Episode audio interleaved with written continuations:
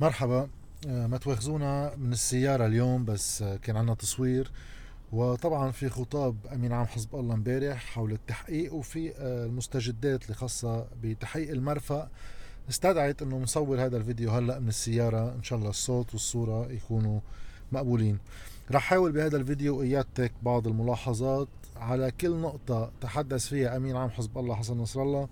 واحد يعلق عليهم بعيد منك كب التعميمات إنه هذا تسييس اما هذا آه، تهديد للقضاء أم هذا غيره. تمشي بالحجج نقطة ونقطة لواحد يشوف هل فعلا تقوم حجة الاستنسابية والتسييس على التحقيق اللي عم بيصير بالمرفأ نعم أم لا؟ بداية بدأ حديثه بهذا المحور أمين عام حزب الله بالقول أنه القاضي السابق فادي صوان. آه، آه، كان تحقيقه مسيس واستنسابي وأجا القاضي بطار بدل أن يتعظ من تجربة سلفه كمل بنفس الأداء.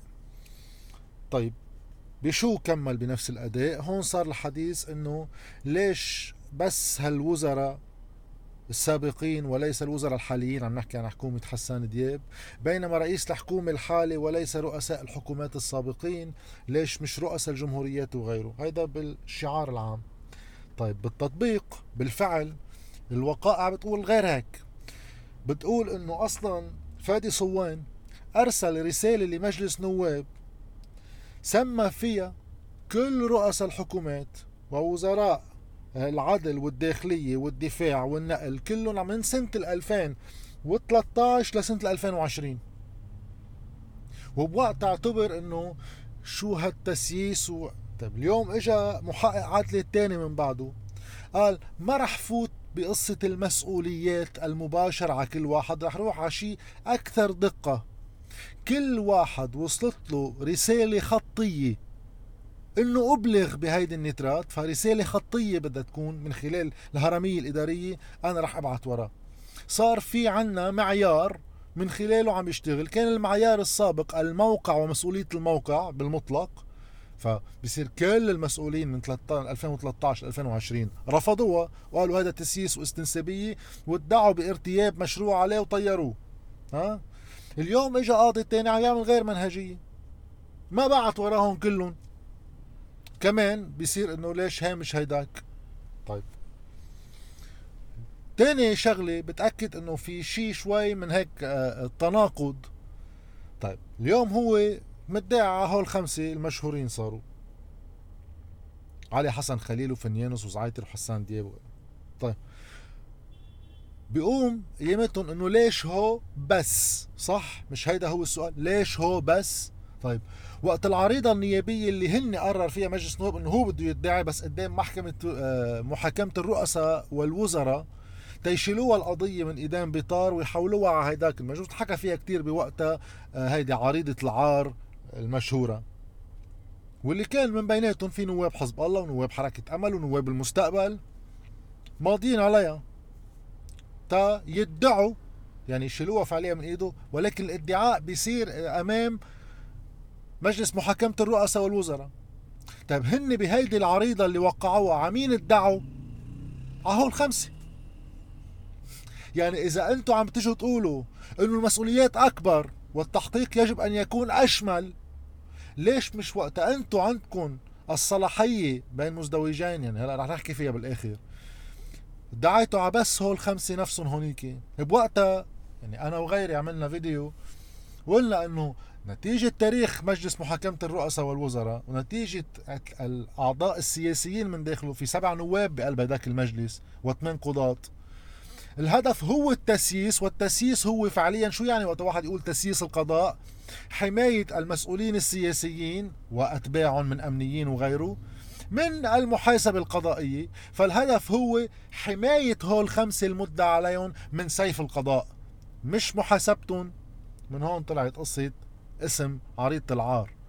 طيب ليش بوقت ادعيته على الخمسة هاي بداية تاني نقطة بصيرها أمين عام حزب الله بالقول كمان للتدليل على الاستنسابية إنه رئيس الجمهورية الحالي ميشيل عون هو عرض الإدلاء بشهادته و في من وقت 2000 آه، من وقت دخول الشاحنة إلى لبنان وصولها للشط في رئيسين جمهورية وفي قبله ميشيل سليمان. ليش ما بعت ورا ميشيل سليمان؟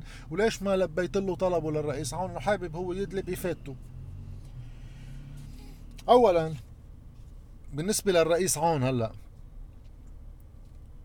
استماع لإفادته بناء على طلبه بعد ما انتهى التحقيق لواحد يقول إذا رح يستمع له ولا لأ. فليش صار الجزم إنه ما رح يستمع له؟ ها تنبلش واحد. اثنين بقصة الاتهام مع إنه هون الحديث مش عن الاتهام عم الحديث عن قصة الاستماع لإفادته بناء على طلبه. ولكن في كتير ناس بالأقل آه، آه، رتبة بالسياسة عم نحكي من نواب ووزراء وغيره طلعوا على التلفزيون وقالوا ليش ما بيتهم ميشيل عون نرجع على المنهجية اللي اتبعها القاضي اللي هي كل واحد وصل له وثيقة خطية بموضوع المرفأ أنا بدي عليه. ليش ما بيقدر على ميشيل عون يدعي؟ لأنه بالدستور اللبناني محطوط رئيس الجمهورية لا تبع عليه ولا يمكن محاكمته. وهو لا تبع عليه إلا بموضوع الخيانة العظمى وخرق الدستور والجرائم العادية إذا راح له شي واحد. هو ثلاثة ما له حق حدا يحكمهم إلا مجلس قضاء الأعلى؟ بعد إحالة المجلس النيابي حصرا على مجلس قضاء الأعلى بتلتين الأصوات. فهو ما عنده الصلاحية وما بيقدر يبعث ورا ميشيل عون. ها تنبلش. فإذا في حدا من هون نواب والوزراء اللي عم يطلعوا على التلفزيونات لأنه هلا عم نحكي عن حديث نصر الله ولكن بدنا نرجع نحكي عن الحريري شو حكي قبل والمشنوق شو حكي قبل وعلي حسن خليل وغازي زعيتر ونبيه بري كتار اللي حكيوا بكل هالمواضيع. إذا أنتم شايفين إنه في أي علاقة لرئيس الجمهورية فيه أنتم بالمجلس النيابي روحوا حيلوا رئيس الجمهورية على مجلس القضاء الأعلى وجيبوا ثلثين الأصوات وإذا ما جبتوهم على القليلة بتكونوا منسجمين مع نفسكم. إنه خي جربنا بس ما قدرنا نجيب الأصوات الكافية. أما كب عن طارق البيطار شو دخله ما عنده الصلاحية وما بيقدر. أما ميشيل سليمان ميشيل سليمان خلصت ولايته قبل إفراغ الحمولة وأبقائها هون وبعدين صار الأخذ والرد. فهو خلص بقى له علاقة خلصت ولايته. هلأ وقت وصلت السفينة على لبنان بآخر 2013 ما كان في إجراءات قانونية مخالفة واللي هو التحقيق عم بيدور حولها لليش ولأي أسباب ومين دخلوا ب تنزيل البضاعة وحفظها بمكان غير آمن وتبقى على ست سبع سنين. هون الحديث. بقى ميشيل سليمان هون ما له خص. دحش اسمه بهالشكل. يعني إنه بعتقد أنا حتى يعني اللي بيتابع فيه حط جاد غصن ميشيل سليمان. بعرف شو رايي بميشيل سليمان. ما في يكون سلبي أكثر من هيك بصفة سياسية. ولكن دحش اسمه بشغلة ما له علاقة فيها ما لها محل بكل الحديث. منكمل على رؤساء الحكومات السابقين إنه ليش عهو ليش على حسان دياب؟ لأنك استضعفته مش على اللي قبل. نرجع على المنهجية اللي اعتمدها اللي هي بده يكون واصل له لكل شخص بدي ابعت وراه رسالة خطية بقدر أثبت فيها ليش عم ببعت وراه ما يقولوا لي إنه أنت جاي عم تسيس. طيب حسان دياب هو الوحيد اللي وصل له. في شخص تاني يحكى إنه وصل له من معلومات مسربة عن آه، مدير العام الأمن العام عباس إبراهيم إنه هو عباس إبراهيم خبر تمام سلام بوقتها. بس ما في أي مستند خطي يثبت هذا الأمر. طيب بدكم إنه نبعث ورا تمام سلام لأنه وصل له ونعرف إذا هوليك وصل لهم تبليغ من أي من قيادات الأجهزة الأمنية. ليش منع القاضي بيطار عندما طلب إذن بملاحقة عباس إبراهيم وتوني صليبة والأمن الداخلي أيضا يستجوبهم يحقق معهم. ما أعطيتوا الإذن لحدا. وصولا إنه وزير الداخلية بهالحكومة هلأ اللي أنتم عاطينا الثقه كلكم وزير الداخلية بيطلع بيقول وقت سألوه بتعطي إذن بملاحقة عباس إبراهيم وغيره إذا وصل لك طلب بهذا الأمر؟ بيقول شغلة مخالفة للقانون قال هو ما بيقدر يعطيه الإذن إلا ما يطلع على التحقيق. بكمل لأنه بيعرف إنه ما في يطلع على التحقيق ما التحقيق سري. بكمل والتحقيق سري فأنا ما في أطلع عليه. فإذا أنا ما راح أقدر آه، ما راح أقدر أعطي الإذن بالملاحقة. يعني عم بيقول أنا ما راح أعطي الإذن بالملاحقة آه، لأنه مضطر خالف القانون وما في يخالف القانون وكله هيدا خارج عن النص إنه أنا ما بعطي إذن بالملاحقة إلا ما تخبروني شو في بالقضية بس ما في شو في القضية بقى مرة ما بتلاحقوا حدا. حلو. هذا أنتم عاطينه الثقة. بدكم نبلش نشوف رؤساء الحكومات وغيرهم من الوزراء شو علاقاتهم اسمحوا للقاضي يحقق مع كل هالشخصيات ليعرف مين وصل له التبليغ بشو. ننزل على آه، الوزراء. الوزراء السابقين حكينا بقصتها منهجية من وصل له التبليغ ولا بس من بعدها في شيء انحكى فيه ما انحكى فيه امبارح بالخطاب تبع أمين عام حزب الله. بس صار انحكى فيه 100 مرة بألسنة ناس تانيين كمان للتشكيك إنه قيادات الجيش. مزبوط لأنه قيادة الجيش معنية بالمباشر. عظيم. طيب تم استدعاء جان قهوجي حضر. ومدير مخابرات الجيش السابق وحضر. هلأ بصير السؤال ليش ما وقفوا أم ليش بده يوقفوا؟ أنا يمكن بكرة أعترض بس هلأ ما في أعترض. ليش ما في أعترض؟ لأنه هذا التحقيق بعده ماشي. ما بعرف شو صرح كل واحد منهم جوا. لحين صدور القرار الظني اللي على أساس بتخلص القصة المحقق العدلي بيخلص دوره وبتنحال على المجلس العدلي. أما اليوم الهجوم الافتراضي بالاتهام بالاستنسابية والتسييس. وخارج كل القواعد القانونية يعني.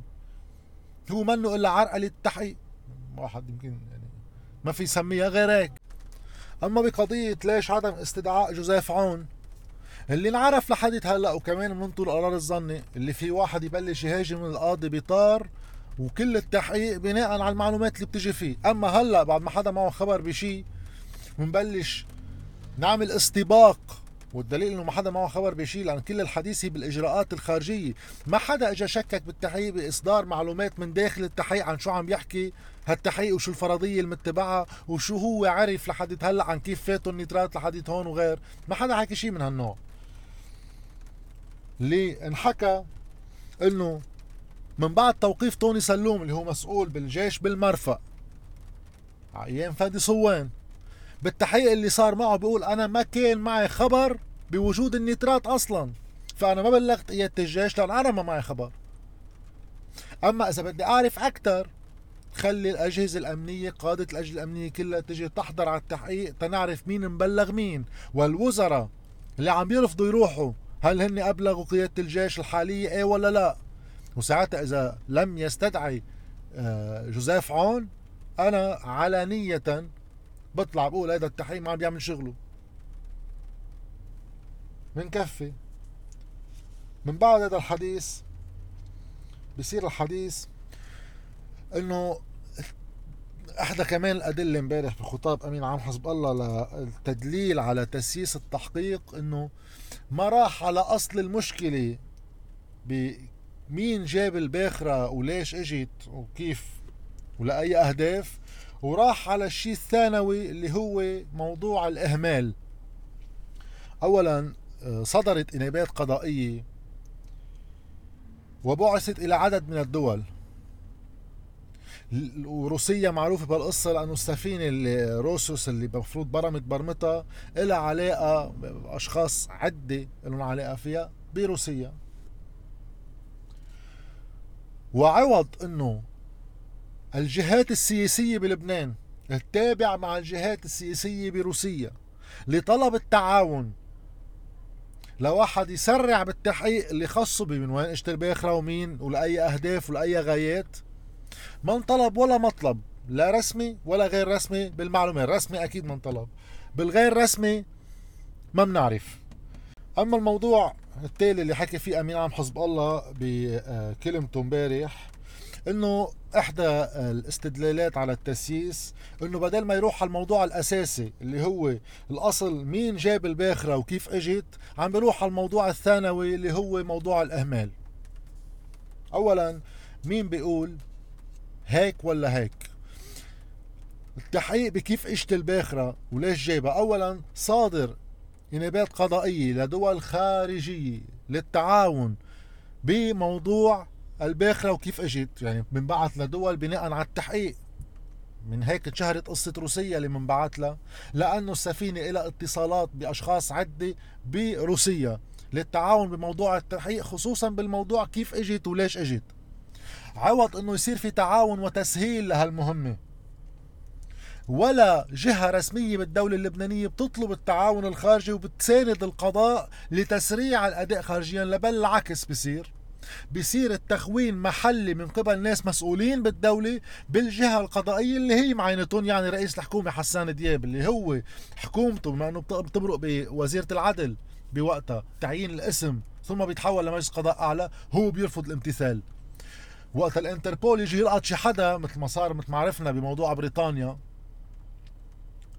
رجع آه، أخلي سبيله لأنه ما حدا رجع كمل من الدولة اللبنانية تيسأل عن الموضوع. وبوقتها صار في كف إيده لفادي صوان وغيره. ثانيا مين بيقول إنه التحقيق مع هول الاشخاص اللي عم ينطلب وراهم مش تياخدوا منهم خيوط؟ لا أقدر أعرف إذا هن مشاركين بعملية كيف إجت بالأساس.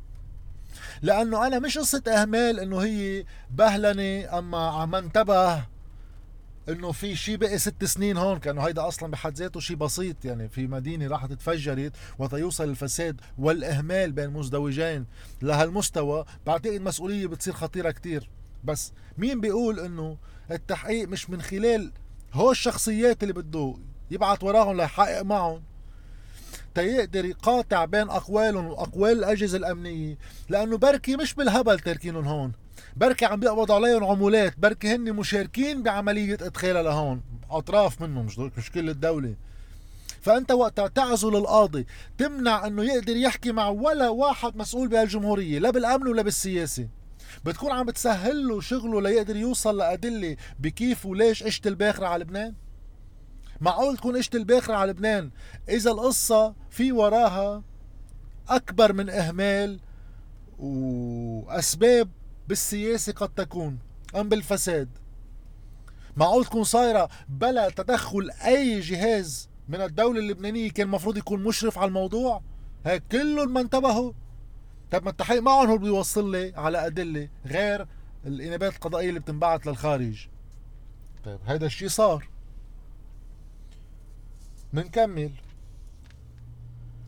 موضوع اللي بيوصل له بالآخر أمين عام حزب الله. موضوع إنه القضاة مسؤولين مسؤولياتهم أعظم من السياسيين وهن اللي أجازوا بإنزال المواد وإبقائها.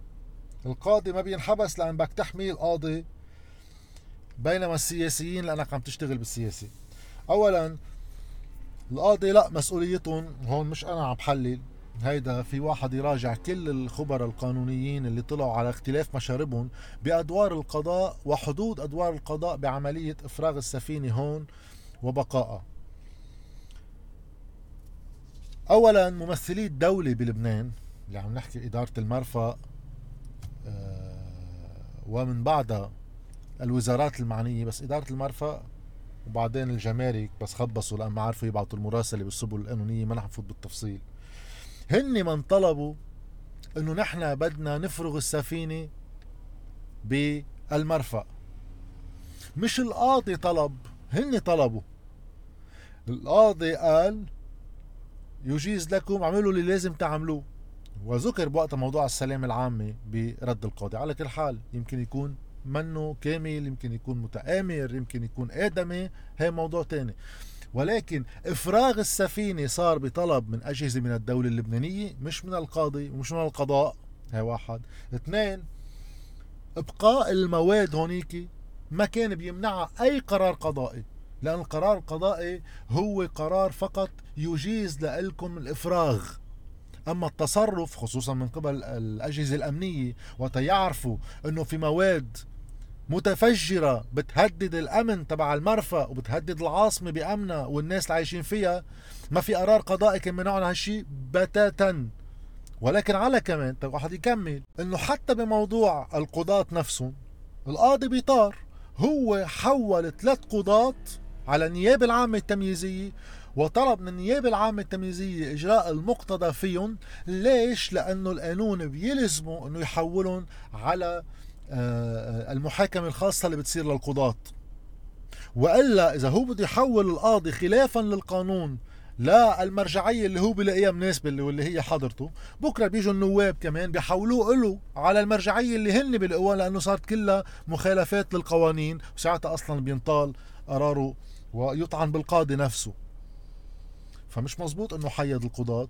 هلا آلية محاكمتهم الخاصة واللي هي النقطة الأخيرة اللي ذكرها أمين عام حزب الله إنه القضاة بيروحوا على المجلس الخاص لمحاكمتهم. بينما السياسيين اللي الدستور بيقول إنه يتحاكموا أمام السياسيين يعني الرؤساء الحكومات والوزراء أمام مجلس محاكمة الرؤساء والوزراء هول لا بتبعت وراهم لعندك. طيب هون في تفسير كمان منه صحيح. لأنه نعم القضاة بيروحوا أمام المجلس الخاص لأن القانون بنص على ذلك. ولكن الرؤساء الحكومات والوزراء السابقين في حال جريمتهم اللي يتهمون بها لم تكن فقط الإخلال الوظيفي صلاحية مجلس محاكمة الرؤساء والوزراء ليست حصرية. وهذا كمان سبق وعملنا فيديو عنه سابق.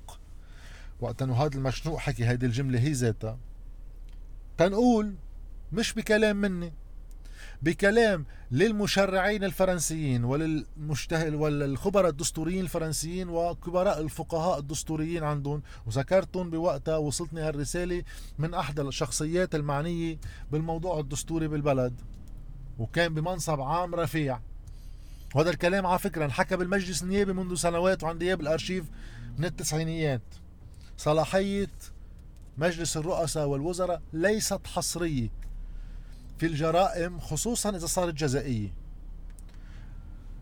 وقت القاضي اليوم بطار عم يتهمون بالقتل القصد أما العمد لحدية ما يثبت العكس أنا عم بسلب وراهم تأستمع لهم. كمشتبه فيهم كمشتبه فيهم. إيه الصلاحية منا حصرية ومنا عند مجلس النواب. هلأ واحد يكمل. إذا الاتهام هو التسييس بيروح الواحد بيعطي حجة إنه القاضي مسيس. وين بدي آخده؟ على مجلس محاكمة الرؤساء والوزراء اللي فيه سبع نواب من كل الكتل النيابية. من كل الكتل النيابية. بقلبه هيدا أقل تسييسا هيدا واحد. اثنين كان في شغلة بعد رح رد على ثلاث أربع نقط سريعة اثيرت سابقا. هيك هيك واحد عم بيعمل جردة بكل الحجج اللي عم تنساق بهذه القضية. فليعلن عن التقرير الفني. هذا كمان أمين عام حزب الله وبعض الشخصيات الأخرى. حكيوها من أشهر. طالبوا القاضي يعلن عن التقرير الفني تبع التحقيق الأول بكيف صارت كيف صار الانفجار. طيب أنتم ما بتعرفوا إنه ما له حق القاضي يعلن عن التقرير الفني؟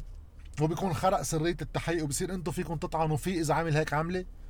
مثل ما المجلس النيابي كمان بيخالف القانون وقت بيطلب القاضي بيطار منه رفع الحصانات عن مجموعة من النواب بيقولوا له ما بنرفع الحصانات غير غير ما تفرجيني تفاصيل تحقيقك. كمان مين قاعد هونيك نبيه بري محامي الي الفرزلي محامي وغيره من الشخصيات المشرعين بهذا البلد. ما بيعرفوا إنه هو ما له حق ولا هن لهم حق يطلبوا هيك طلب. وزوروا مادة من النظام الداخلي لمجلس النواب ليقولوا إنه مجبور يخبرنا شو تفاصيل التحقيق طيب. بعد هيدا الأداء اللي راح بداية عند فادي صوان اللي طلب ورا الكل. وقالوا أنت مسيس. واخترع وهيدي نبشوا له على قصة إنه قابض 13 مليون ليرة لأنه تضرر بيته. فهيدا عنده قال ردة فعل عاطفية قد تكون وعملوا فيه ارتياب مشروع ومشى حاله وطيروا لفادي صوان. اللي عملوا أول ضربية من هالنوع. ثاني ضربية راحوا ادعوا على الخمسة. نفسهم هن ذاتهم المدعي عليهم بطار ولا واحد. بس عشرت عند محاكمة الرؤساء والوزراء وقت لاحت العار. واليوم اللي بيبعت هذا المشنوق بيطلع عن مدعي عام التمييز ليشكي على قاضي تاني. وكيف هذا القاضي أساسا مدعي عام التمييز بيقبل يستقبله؟ لو هو قاضي فعليا بهمه القضاء يبقى عن نزاهته. في واحد عم بيطعن بصدقية القضاء بيروح لعندك ليشكيه وأنت على أساس شايل إيدك على الموضوع. من بعد وقت توافيق صفا بيروح ببلغ الصحفيين إنه بدكم هيدا توصلوا له إنه نحن مش راضيين عنه وصلت معنا منه لهون. هل هاي الطريقة هي لتخفيف التسييس عن القضية والتحقيق؟ ولا هي تعلية سقف لحماية شخصيات سياسية بالبلد؟ بعدين وقت واحد بده يقول في تسييس للتحقيق من دون ما نعرف شيء بتفاصيل هالتحقيق من عم يحكي كيف وصلت النترات وشو مسؤولية كل واحد منهم بده يقول على القليلة شو الفرضية تبع التسييس؟ تسييسها بأي طريقة؟ طالما هو مش مدعي على فريق سياسي واحد ولا مستهدف فئة معينة دون غيرها. نهاد المشنوق بمحل وغازي عايتر بمحل وفنيانوس بمحل وجاء واجي بمحل وحسان دياب بمحل. بتصور وقت راح يبعث ورا الأجهزة الأمنية توني صليبة بمحل وعباس إبراهيم بمحل وغيره. وين يعني شو فرضية التسييس؟ شو عم تسييسها بأي معنى؟ لإستهداف مين؟ لأي غاية؟ بدنا نعرف لأنه باللي عم ينحكى كله ما بيشبه لا القانون ولا اللي صاير بالدعوة فعليا. وقت واحد بده يوصل بالنقطة الأخيرة قبل ما نحكي عن اللي صار اليوم جملة سريعة. إنه طيب إذا الهم هو منع التسييس عن القضية مين المسؤول عن تسييس القضاء؟ مش كل هالكتل اللي عم تحكي؟ وأكثر منها حتى حتى اللي اليوم عم يدافعوا عنه للقاضي هن مشاركين بتعيين قضاة. عم بحكي من الكتل النيابية المجلس. تحصصتوا القضاء على 30 سنة. نحن كناس عايشين بهيدا البلد ندفع ثمن هالتسييس من حياتنا ومن أرزاقنا ومن غيره. كل الناس بتصور بتروح على القضاء بتعرف شو يعني القضاء اللبناني. ومحاصصينه طائفيا ومناطقيا. ما لقط بعد ولا غمش على سياسي من 30 سنة لليوم. ولا غمش هذا القضاء كله سوا. بوقتها ما حدا رفله جفن ما حدا على السقف السياسي إنه خي شو القضاء هيدا. لك علي إبراهيم مدعي العام المالي في بلد منهوب كله سوا. ما لاقى غمش بعد؟ ما حدا قام على علي إبراهيم من حصة مين علي إبراهيم؟ طيب وقت عمل له شغلة منيحة علي إبراهيم سنة الماضي. قال خيي هول مصاريف اخذين مصريات العالم وما عم بيردوها وعم بيرفضوا آه تحويل أموال للخارج. طلع قرار منع التصرف والحجز على أصول المصارف ومجالس إدارتها. يعني بوقتها شبه إعلان وقف العمل المصرفي واعتبارها تحت حجز قضائي. مين الطرف اللي تدخل لوقف هذا القرار؟ غسان عويدات اللي اليوم عم يروحوا يشكوا له مدعي عام التمييز. ليش بوقتها ما قاموا قيمتهم على علي إبراهيم وغسان عويدات؟ إنه خي أنت كيف بتطلع قرار تحمل بنوكي بالقعدة معهم؟ لأنه هو متى طلع قرار وقف تنفيذ قرار علي إبراهيم وقت قعد غسان عويدات بحضور علي إبراهيم مع سليم صفير وجمعية المصارف. راحوا وقفوا القضية. ما شفنا هيدا الغضب والهجوم والتهديد لتطهير هول العالم. الاخطر بالحديث تبع امبارح اللي اليوم عم نشوف آه، نتائجه بتصور تقديرا واحد بعد ما في يتسرع. بيقول بنهاية الحديث أمين عام حزب الله أنه على الحكومة التدخل مع هيدا القاضي لأن وصلت معنا يعني هيدا صار لا يحتمل. علما أنه بالقانون الحكومة ما لها حق ما لها أي صلاحية بالتعاطي مع القاضي لا بعزله ولا بتغييره ولا بوقف عمله ما عندها القدرة قانونيا تعمل شيء من النوع. فاستحضار الحكومة ما له عازي الحكومة قدرت تعمل شغلة وحدة. تعزل رئيس مجلس المجلس القضاء الأعلى يعني بتعزل سهيل عبود. هو غير معني مفروض. ولكن بصير اليوم لأنه هو طلب كمان من مجلس القضاء الأعلى عم نحكي عن أمين عام حزب الله بيطلب من المجلس الأعلى مجلس القضاء الأعلى إنه تدخلوا شو بدكم تعملوا مع هذا القاضي. ما بعرف بأي صفة.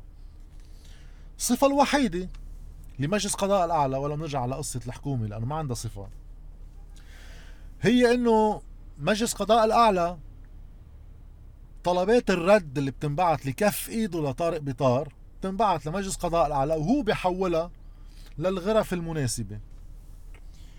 من بعد ما حولها على محكمة التمييز والاستئناف الاثنيناتهم رفضوا هيدا طلب الرد بالشكل لأنه آه، مبعوث بغير لغير الجهة المختصة.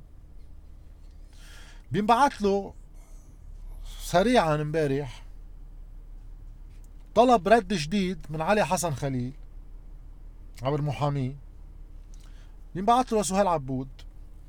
اليوم حولها لغرفة تانية غير الغرفة الأولى. عند القاضي ناجي عيد. وهالمرة على عكس قراري محكمة التمييز والاستئناف القاضي الجديد اللي تحول له طلب الرد من سهيل عبود هالمرة اللي هونيك رفضوا يبلغوه حتى لطارق البطار رفضوه لعدم الاختصاص. هالمرة بلغوا لطارق البطار وقت يبلغ طلب رد للقاضي بكفل له إيده لحين صدور القرار.